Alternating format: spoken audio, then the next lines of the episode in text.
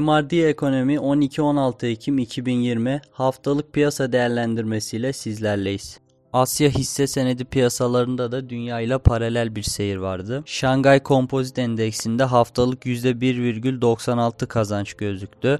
Hong Kong'da Hang Seng Endeksinde %1 civarı bir kazanç görünürken Japonya %1 civarı kayıp ile haftayı kapattı. Avrupa'da artan koronavirüs vakaları sonucu ülkelerden gelen kısıtlama önlemleri piyasalarda satışlara sebep oldu. Özellikle perşembe günü görülen satış dalgasında %2,5'lara varan satışlar gözüktü endekslerde. Almanya tarafında Avrupa Ekonomik Araştırmalar Merkezi'nin Ekonomik Güven Endeksinde Almanya'da koronavirüs vaka sayısındaki artışla geçen aya göre 21,3 puan azalarak 56,1 puana düştü. İngiltere tarafında önemli bir haber akışı vardı bu hafta. Brüksel'de toplanan AB liderleri İngiltere Başbakanı Boris Johnson'ın verdiği süre dolarken bir ticaret anlaşmasına varılması için İngiltere'nin beklediği tavizi vermeyi reddetti. Avrupa Birliği'nin yaklaşımında bir değişiklik olmadığı sürece Avustralya tarzı bir çözüme gideceklerini söyleyen Boris Johnson, AB'nin ilk başta istediğimiz Kanada tarzı bir anlaşma yapmak istemediği anlaşılıyor ifadesini kullandı. Burada belirtilen Avustralya tarzı çözüm anlaşmasız ayrılık anlamına geliyor. Genel anlamda Avrupa borsalarında perşembe günü gelen satış dalgasını cuma günkü alımlar sayesinde büyük ölçüde karşılamış bulunmakta. Almanya'ya baktığımız zaman haftalık bazda %1'lik bir düşüş görüyoruz. İngiltere'de FTSE 100 endeksinde %1,6 düşüş var. Yine haftalık olarak Fransa'da Kakaren endeksinde %0,22'lik düşüş gözüküyor. Amerika'da seçim öncesi yapılan anket çalışmaları Biden'ın Trump'ın 10 puan önde olduğunu söylüyor. Özellikle Trump'a Covid-19 teşhisi koyulması sonrasında mavi dalganın giderek güçlendiği gözüküyor. Seçime 3 hafta kala Trump'ın seçim stratejisini yeni baştan kurgulayacağı konuşuluyor.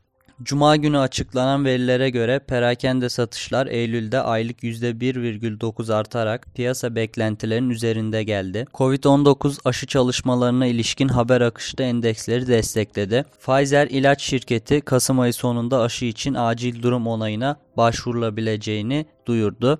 Hafta ortasında Johnson Johnson'ın aşı çalışmalarını durdurduğu yönündeki haberlerin ardından bu haber piyasalara olumlu etki etti. Endekslere baktığımız zaman Dow Jones'un haftalık yatay olarak kapattığını görüyoruz. S&P 500 tarafında haftalık olarak sınırlı %0,19 kazanç var. Nasdaq haftayı %1 kazançla kapattı. BIST 100 endeksi haftalık %2,3 civarı getiri sağladı. Borsa İstanbul perşembe günü gelen global piyasalardaki satış dalgasına ayak uydurarak BIST 100 endeksinde 0,74'lük bir geri çekilme görüldü. Ardından cuma günü kayıplarını geri almayı başardı. Endeks 1193 seviyesine ulaştı. Karadeniz'deki doğalgaz sondaj çalışmalarıyla ilgili bir haber akışı vardı. Cumhurbaşkanı Erdoğan cumartesi günü Fatih sondaj gemisine giderek hem çalışmaları görecek hem de yeni rezerv miktarını açıklayacak.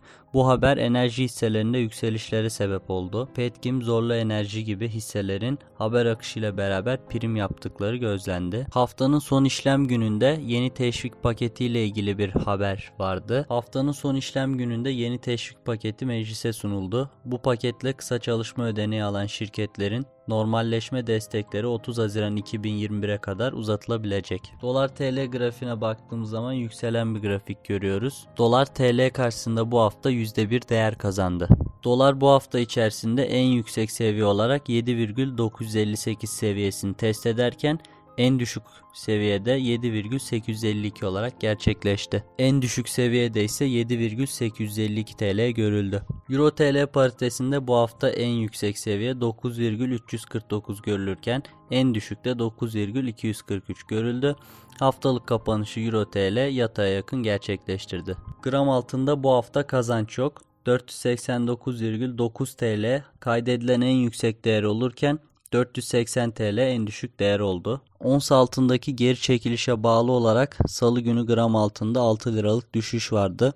Haftanın sonuna doğru artarak Cuma günü 484 lira civarına yükseldi. Türkiye tarafında bu hafta açıklanan verilere bakacak olursak, Ağustos ayına ait sanayi üretim endeksi açıklandı. Sanayi üretimi 2020 yılı Ağustos ayında %3,4 artış gösterdi. Bir önceki yılın aynı ayına göre ise sanayi üretimi yıllık %10,4 arttı. Türkiye'de bu hafta açıklanan verilere bakacak olursak, Ağustos ayına ait sanayi üretim endeksi açıklandı. Sanayi üretimi 2020 yılı Ağustos ayında %3,4 artış gösterdi. Bir önceki yılın aynı ayına göre ise sanayi üretimi yıllık %10,4 arttı. İş gücü istatistiklerine baktığımızda Temmuz 2020'ye ait işsizlik oranı %13,4 seviyesinde gerçekleşti. İstihdam oranı ise %43,5 oldu. Tarım ürünleri üretici fiyat endeksi Eylül 2020 2020 verilerine göre tarım ürünleri üretici fiyat endeksi aylık %2,5 arttı. Bir önceki yılın aynı ayına göre %18,48 artış gerçekleşti. Merkez Bankası tarafında açıklanan verilere bakalım.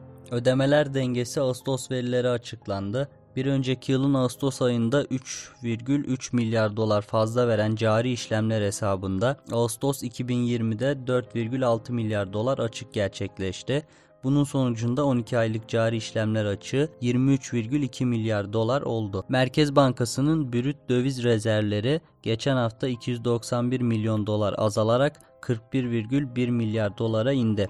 2 Ekim 9 Ekim arasını kapsayan dönemde altın rezervleri ise 248 milyon dolar artarak 42,4 milyar dolara yükseldi. Merkez Bankası beklenti anketi Ekim ayı sonuçlarına göre yıl sonu tüfe beklentisi %11,76'ya yükseldi. Bir önceki anket döneminde enflasyon beklentisi %11,46 idi. Dolar TL için yıl sonu beklentisi 7,60'dan 7,90'a yükseldi. 12 ay sonrası döviz kuru beklentisi dolar TL için 8,31 TL olarak güncellendi. Önümüzdeki hafta 22 Ekim'de para politikası kurulu toplantısı düzenlenecek. Piyasalarda büyük ölçüde beklentinin 200 bas puana yakın faiz arttırımı karar çıkacağı yönünde. Merkez Bankası'nın geçen hafta swap işlemlerine kullanılan TL faizini %10,25 seviyesinden %11,75'e yükseltmesi ve ağırlıklı fonlama maliyetinin %12 seviyesine geçmesi faiz artışı ihtimali yönündeki tahminleri güçlü kılıyor. Dinlediğiniz için teşekkür ederiz. Haftaya piyasa değerlendirmesinde görüşmek üzere.